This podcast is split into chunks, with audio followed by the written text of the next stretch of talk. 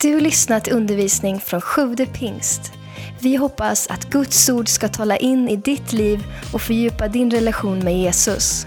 Besök gärna vår hemsida, www.sjuvdepingst.se. Härligt att se er allesammans. En underbar förmiddag. Kul också ni som är med via radio och också ni som är med via podcast från olika håll i Sverige.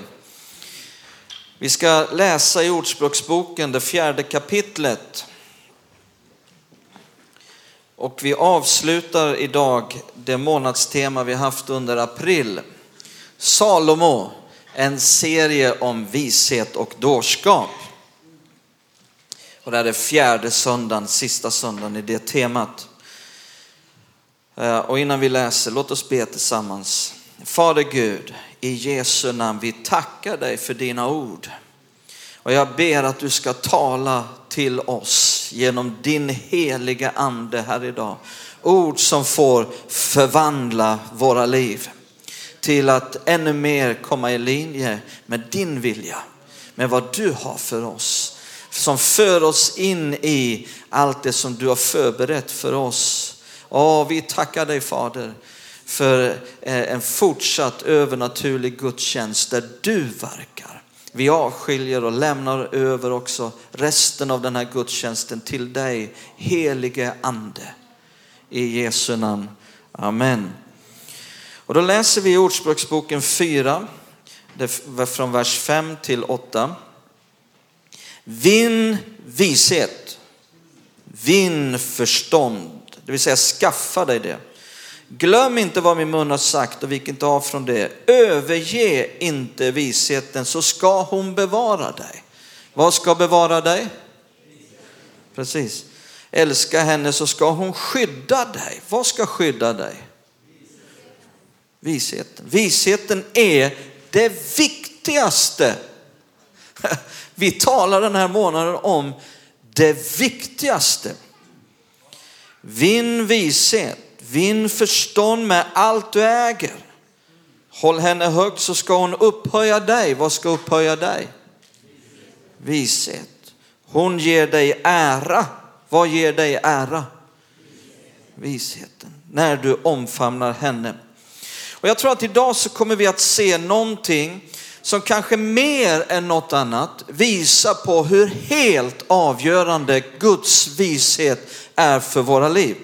Vi ska se två slags vishet. Guds vishet och världens vishet. Och så kommer vi att se skillnaden mellan dessa och vi kommer också se striden mellan dessa. Vi ska se första Korinthierbrevet vad Paulus säger. Första Korinthierbrevet 3.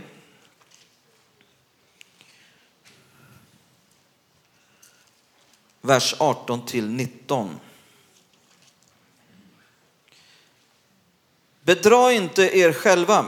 Om någon av er tycker sig vara vis i den här världen måste han först bli en dåre för att bli vis. Den här världens visdom är nämligen dårskap inför Gud.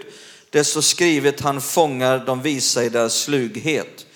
Så för att bli fylld av Guds vishet måste du först bli en dåre. Det står det här. Måste, alltså när Bibeln säger måste, då är det, då är det dags att börja lyssna. Om man inte har gjort det tidigare. Eh, eh, måste han först bli en dåre för att bli vis? Vi läser också vad Jakobs brev 3 säger om dessa två slags vishet.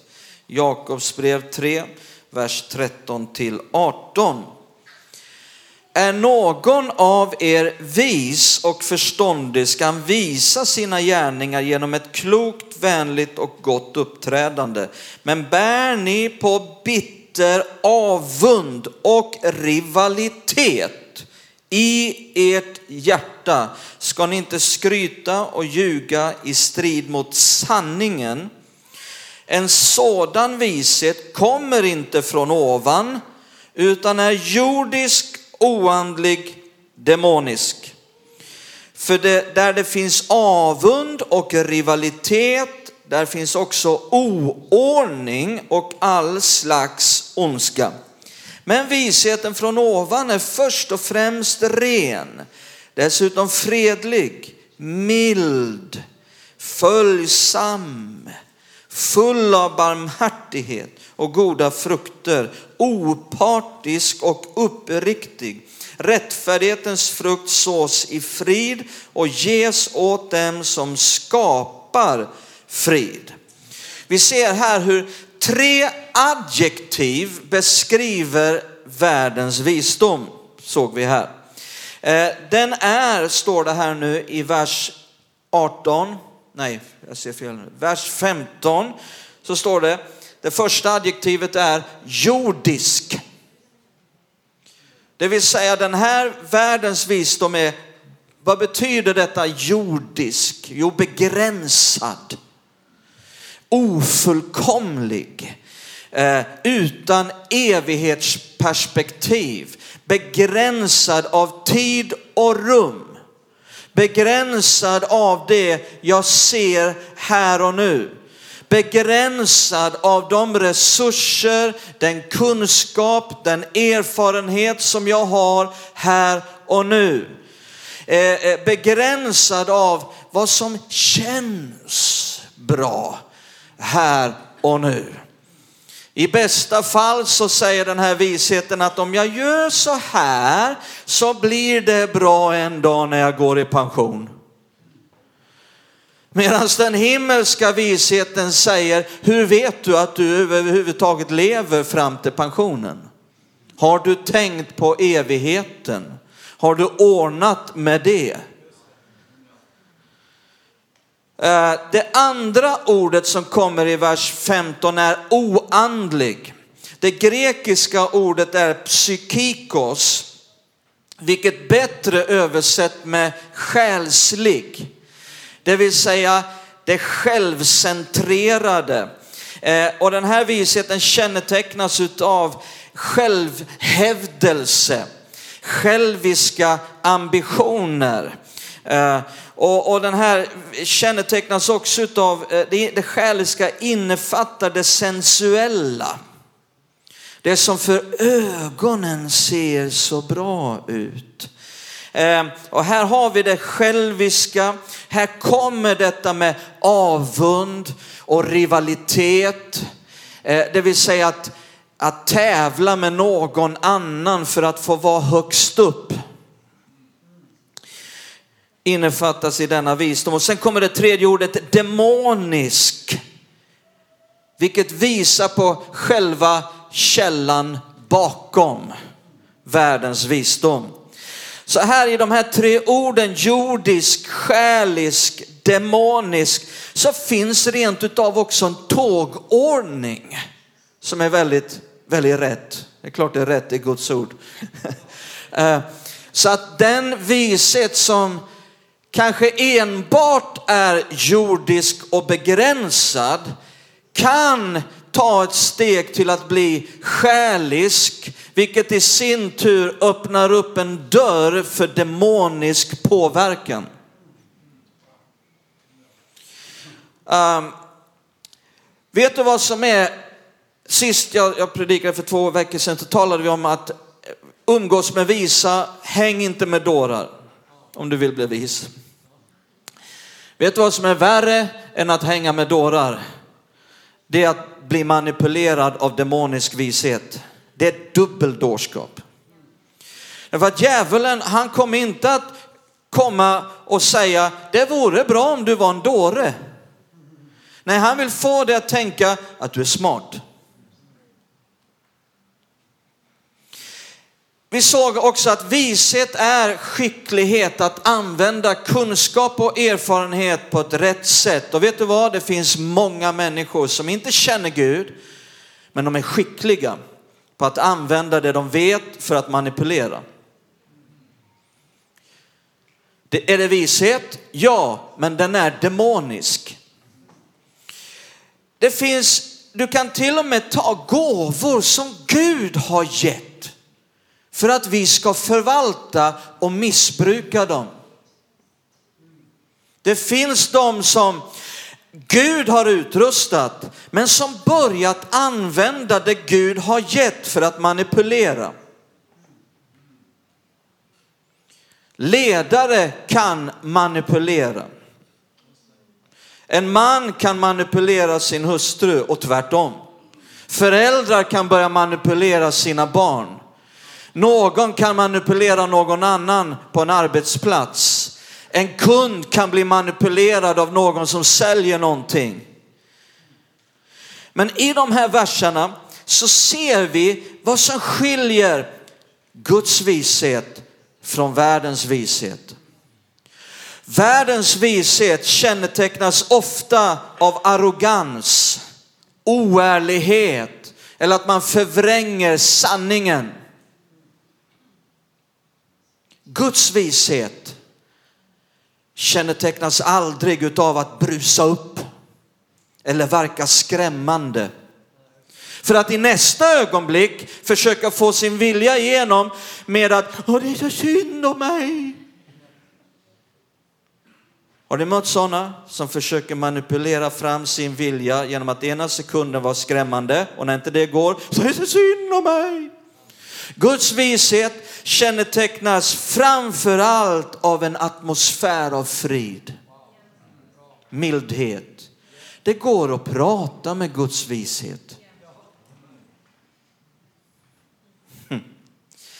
Därför blir det nu så viktigt att vi prövar oss själva. Vad är det som påverkar oss? I våra beslut, i våra vägval, i vårt sätt att agera. Är det Guds vishet? Vad är det för en vishet som påverkar oss i våra hjärtan? Vi måste vara noga med vad känner jag i mitt hjärta? Vad, är, vad finns här i mitt hjärta? Talar den här texten om. Är det rivalitet? Avundsjuka? Själviskhet? Mina preferenser måste få dominera. Eller är det rent utav fruktan som styr? Demonisk vishet manipulerar med fruktan. Man vet egentligen vad som är rätt, men man vågar inte göra det som är rätt av fruktan. Är det fruktan som styr våra beslut så leds vi aldrig av den helige andes vishet. Det är så viktigt att gå till botten med vad det är som påverkar våra beslut, vägval och sätt att agera. Gud leder alltid med frid. Han manipulerar inte med fruktan. Eh, den andra saken jag vill att vi ska se här nu, det är, låt oss titta på själva ursprunget till världens vishet. Källan till den jordiska, själiska, demoniska visheten. Om vi går till Hesekiel 28. Hesekiel 28. Vers 11 till 14. Herrens ord kom till mig Människobarn, stäm upp, stäm upp en sorgesång över kungen i Tyrus och säg till honom, så säger Herren Gud, du var en mönsterbild av fullkomlighet, full av visdom och fullkomlig skönhet. Du var i Eden, Guds lustgård, så det kan inte vara kungen i Tyrus bokstavligen. Eh, utan nu är det någon som har varit i Eden, Guds lustgård, höljd i alla slags ädelstenar, kanol, topas och kalcedon, krysolit, onyx och jaspis, safir, granat och smaragd. Med guld var dina tamburiner och flöjter utsmyckade, framställda den dag du skapades. Här är någon som skapades, inte föddes. Du var en smord, beskyddande kerub. Så här talar vi nu om en ängla, ängel, änglavarelse. Eh, och jag hade satt dig på Guds heliga berg där du gick omkring bland gnistrande stenar. Ehm, så eh, eh, alla, eller inte alla, men liksom de allra flesta bibellärare världen över är överens om att här handlar det om Satan när han skapades ehm, och hans fall. Och det står här i vers 12 att han var full av visdom. Vi talar nu om källan till den världsliga visdomen. Här står det att Satan innan sitt fall, han var full av visdom. Eh, och i sitt fall så förlorade inte han denna vishet. Men så står det här i vers 17. Titta nu i vers 17. Eftersom ditt hjärta var högmodigt på grund av din skönhet och du fördärvade din visdom på grund av din prakt kastade jag ner dig till jorden och utlämnade dig åt kungar till att beskådas. I den engelska översättningen, King James översättning, så står det att, att du, din vishet blev korrupt, fördärvad. Så Satan förlorade inte sin vishet i fallet, men den blev korrupt. Uh, och i första Mosebok 3, så fort vi ser Satan i Bibeln så är det just den här korrupta visheten som Eva möter. Titta här i första Mosebok 3. Första Mosebok 3 och vers 1. Men ormen var listigare, vad var han? Vad listiga. Här ser vi direkt, det första som nämns om Satan är hans listighet, hans vishet, hans skicklighet att använda det han vet och se ner eh, eh, på ett sätt som eh, gynnar honom. Men ormen var listigare än alla markens djur som Herren Gud hade gjort. Han sa till kvinnan, har Gud verkligen sagt? Och lyssna på de första orden som fälls av djävulen att ni inte får äta av alla träd i lustgården och så vidare. Vi behöver inte ta hela storyn här. Men Adam och Eva, de hade fått råd av Gud, Guds vishet om vad som skulle hända om de åt. Men Satan vill också komma och ge råd. Och det var just, det såg ju så bra ut. Man skulle till och med bli vis av det här. Sanningen var raka motsatsen. Det var det mest dåraktiga de någonsin kunde ha gjort. Men djävulen var vis. Han fick hela världen i sitt våld genom detta. Bibeln säger hela världen är i den ondes våld. Och genom denna korrupta vishet så har Satan byggt sitt välde och influerar världen med denna korrupta vishet. Eh, och bakom världens system finns ondskans andemakt eh, vars främsta mål är att dra människor bort ifrån Gud. Som de gjorde här med Adam och Eva och hela mänskligheten. Eh, och när vi då fylls av Guds vishet då kommer vi genast i en strid med denna världens vishet. Den demoniska visheten drar sig inte ens för att skapa religiösa system för att dra människor bort ifrån Gud. Inte ens det kristna sammanhanget eh, är säkert eller går säker utan kan också infiltreras av detta. Det första djävulen gör, vad var det första han gjorde här? Det är att ifrågasätta Guds ord. Skulle Gud ha sagt? Och börjar vi tvivla på Guds ord genom liberal teologi och andra saker, att det här är Guds ord, då är vi snart i händerna på en demonisk vishet min vän. Ända från begynnelsen, när ormen bedrog genom sin listighet, genom sin skicklighet, när han bedrog Eva, ända från den punkten så har det varit en strid mellan Guds vishet och den demoniska visheten. Uh, framförallt så ser vi detta i Jesu liv, när han frestas av djävulen under 40 dagar. Det var en strid mellan den demoniska visheten och Guds vishet och vad segrade? Halleluja. Eva föll på tre punkter. Jesus vann seger på tre punkter genom sin vishet. Men vi ska inte gå in på det idag. Ehm, men titta här i Matteus 10 vad Jesus säger nu till oss om våra liv. och vad som väntar den som vill bli fylld av Guds vishet och tjäna Jesus. Då säger Jesus i Matteus 10 och 16. Se, jag sänder er som får in bland vargar. Var därför listiga. Andra översättningar säger visa som ormar och oskyldiga som duvor. Det vill säga genom hela livet så kommer det att finnas listiga, skickliga, fientliga makter som avsiktligt vill sluka dig. Vargar är inga som slukar får av misstag. Det gör de avsiktligt. Och du kommer vara ett får som i det här livet springer gatlopp i vargflocken. Och då säger Jesus, se då till att du är rustad med vad då? Vishet. Men då säger Jesus, se till att det inte är en korrupt vishet.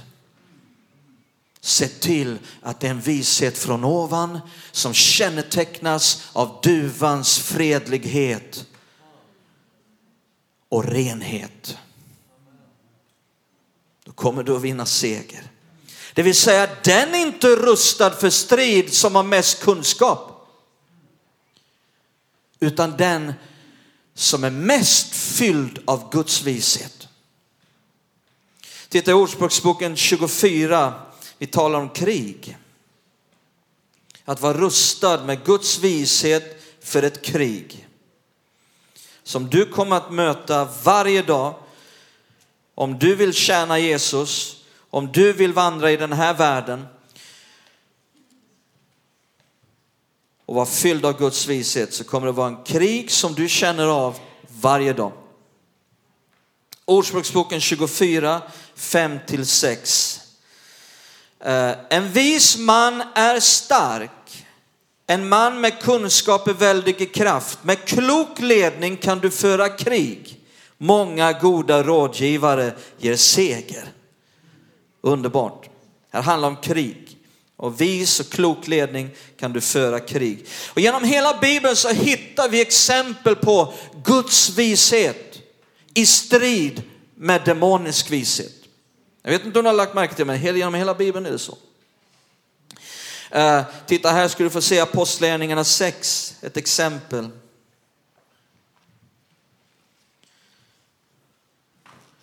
Apostlagärningarna 6,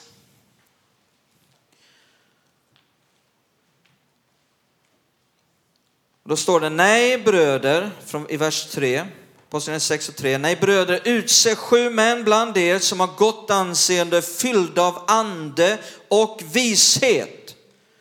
Så ger vi dem den uppgiften. Och så valde man ut några män här eh, och bland annat Stefanus. Och Stefanus var fylld av ande och vishet. Och titta nu vad som händer i vers 10. Men de kunde inte stå emot den vishet och den ande som här talade. Och i hela sammanhanget så ser vi konfrontationen mellan Stefanus och de religiösa ledarna eh, eh, på den tiden. Eh, fariseer, skriftlärda som var fyllda med en helt annan slags vishet, som var fyllda med väldigt mycket avundsjuka, de var fyllda med väldigt mycket rivalitet.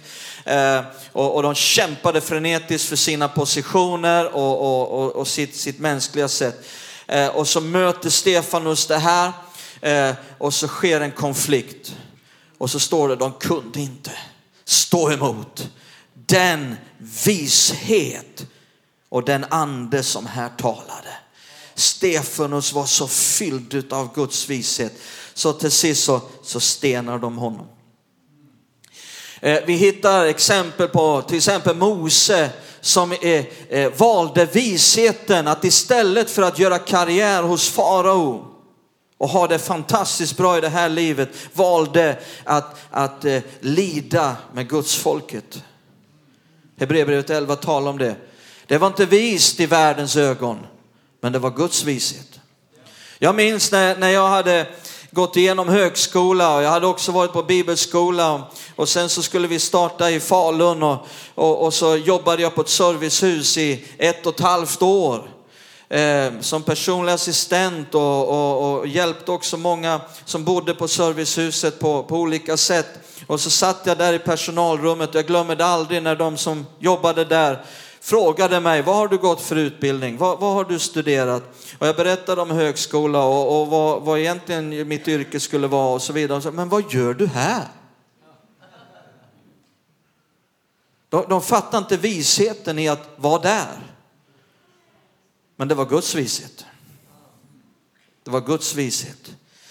Um, i, låt oss gå till andra Samuelsboken. Så ska vi hitta ett krig där vi ser så tydligt hur Guds vishet är helt avgörande för utgången.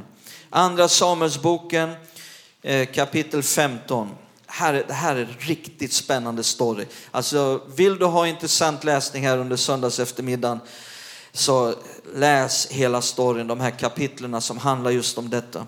Men vi, vi gör några nedslag och försöker summera. I andra Samuelsboken 15, vers 31 och 32. När det berättades för David att Ahitofel, kan alla säga Ahitofel? var med bland de sammansvurna hos Absalom sa David, Herre, förvandla Ahitofels råd till dårskap. Lägg märke till bönen. Förvandla Ahitofels råd till dårskap. Nästa vers. David kom upp på bergstoppen där han ville tillbe Gud. Då kom arkiten Hushaj. Hushaj? Jag har hört talas om husdjur, men kan alla säga hushaj?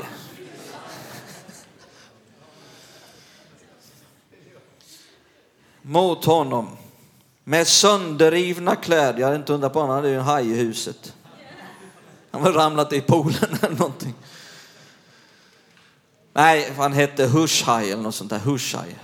Hus, Hushaj tror jag det står i 1917. Gamla hushaj. Och med jord på huvudet. Så vad hände här? Jo, på grund av Davids egen synd och hans misslyckande så var eh, hela hans rike väldigt skakat. Och hans egen son Absalom eh, leder nu ett rebelliskt uppror mot David. Och David måste fly Hela hans familj måste fly.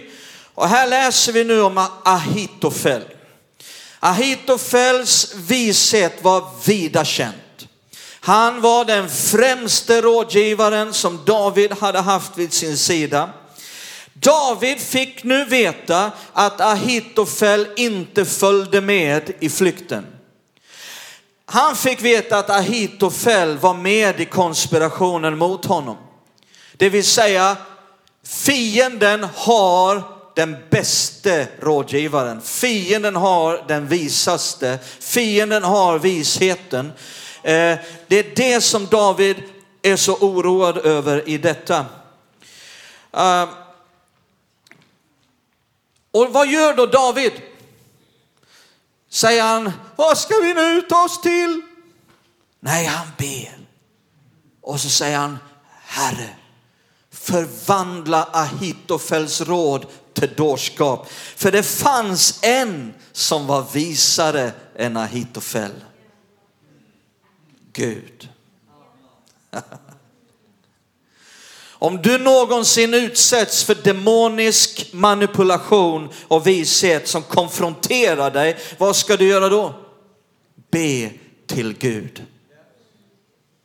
För han är visare vet att Gud är visare. Titta nu i kapitel 16, vers 20. Absalom sa till Ahitofel, vad råder du oss att göra? Ahitofel sa till Absalom, ursäkta. Ahitofel sa till Absalom, kolla nu vad han säger. Gå in till din fars bihustrur som han lämnade kvar för att se efter huset. Då får hela Israel höra att du har gjort dig förhatlig för din far. Och det styrker modet hos alla som är med dig. De slog upp ett tält åt Absalom på taket. Kolla vad som hände. Och Absalom gick in till sin fars bihustrur inför ögonen på hela Israel. På den tiden ansågs Ahitofels råd lika mycket värt som om man hade frågat Guds ord. Så högt värdesatte både David och Absalom hans råd. Vi läser vidare in i kapitel 17, vers 1. Ahitofel sa till Absalom, låt mig välja ut 12 000 män så ska jag bryta upp och förfölja David i natt. Nu, på en gång. Jag ska överfalla honom medan han är utmattad och modlös och slå honom med skräck och allt hans folk kommer då att fly. Bara kungen ska jag döda. Allt folket ska föra tillbaka till dig. När alla återvänt utom mannen som du söker ska hela folket få frid. Det förslaget gillade Absalom och Israels hela äldste, alla äldste. Han slog upp, titta nu vad som hände, Absalom slog upp tältet på taket där alla kunde se att han skulle gå in till Davids eh, bihustru inför ögonen på alla. Eh, var detta vishet? Ja. Varför? Jo, för att alla skulle se och tänka, det här kommer aldrig Absalom och David att klara upp mellan sig. Det här kommer aldrig David att förlåta. David kommer att döda oss allesammans. Nu måste vi stödja Absalom. Så visheten i detta handlar om att få hela folket att ställa sig bakom Absalom till 100 procent. Men titta nu i nästa vers. Vers 5. Men Absalom sa, kalla också hit arkiten Hushai. Och låt oss höra vad han har att säga. Titta nu vad Hushai säger från vers 7. Hushai svarade Absalom, det är inget bra råd som Ahitofel har gett dig den här gången. Han fortsatte, du känner din far och hans män. De är hjältar och rasande som en björnhona som förlorat sina ungar ute på marken. Din far är en krigare, han vilar inte med sitt folk under natten.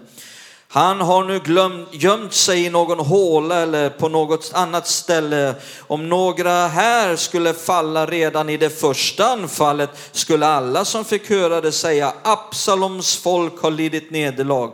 Då skulle även den tappraste med hjärta som ett lejon helt tappa modet. För hela Israel vet att din far är en hjälte, att de som följer honom är tappra män. Kommer ni ihåg när Simon talade om Davids hjältar här i mars? Vilket gäng. Därför är nu mitt råd att du låter hela Israel, titta nu på vad han säger. Att du nu låter hela Israel från Dan till Bersheba, tänk smyga huk till Treriksröset samlas till dig, talrika som sanden vid havet. Och att du själv också ska gå ur, gå ur, går, också går ut i striden. När vi då stöter på honom, var han än finns, ska vi slå ner på honom som daggen faller över marken och inte en enda ska bli kvar, varken han själv eller någon av de män som är med honom. Om han drar sig tillbaka in i någon stad ska hela Israel kasta linor omkring den staden och dra ner den i dalen tills inte, tills, tills inte minsta lilla sten finns kvar av den. Då sa Absalom och alla Israels män, Arkiten Hushais råd är bättre än Ahitofels råd. Kolla nu, det var Herren som hade ordnat det. Det var Herren som hade ordnat det. Så att Ahitofels goda råd gjorde som intet för att Herren, skulle bringa olycka över Absalom. David hade skickat sin personliga vän Hushai och sagt det är bättre för mig att du är i palatset hos Absalom och är min, mina öron och, och mina ögon där. Eh, och alla tyckte att Ahitofels råd var väldigt bra. Men Absalom sa, jag vill också lyssna in Hushai. Eh, och Hushai visste att Ahitofels råd var bra. Men han visste också att David och hans män, de är trötta, de är vilsna, de är uppgivna och jag måste skaffa tid åt David och hans hjältar att omgruppera, att återhämta sig, att bli starka igen. Och alla höll med Hushai. Ja, David och hans hjältar, det är fruktansvärda krigare. Vad ska vi göra? Då sa Hushai, så här ska ni göra. Samla ihop hela Israel ifrån Smygehuk till Treriksröset. För han visste det här kommer att ta väldigt lång tid. Och under den tiden hinner de återhämta sig. Var det ett bra råd? Inte för dem, men för David. Och så avslutar vi vers 23. Titta nu vad som händer i vers 23. När Ahitofel, titta nu, när Ahitofel såg att hans råd inte följdes sadlade han sin åsna och bröt upp och återvände hem till sin stad. Sedan han hade ordnat med sitt hus hängde han sig, så dog han och blev begravd i sin fars hus. Varför begick Ahitofel självmord? Var han sur? Nu gjorde de inte som jag sa, nu går jag och dödar mig själv. Jag är sur, jag vill inte vara med.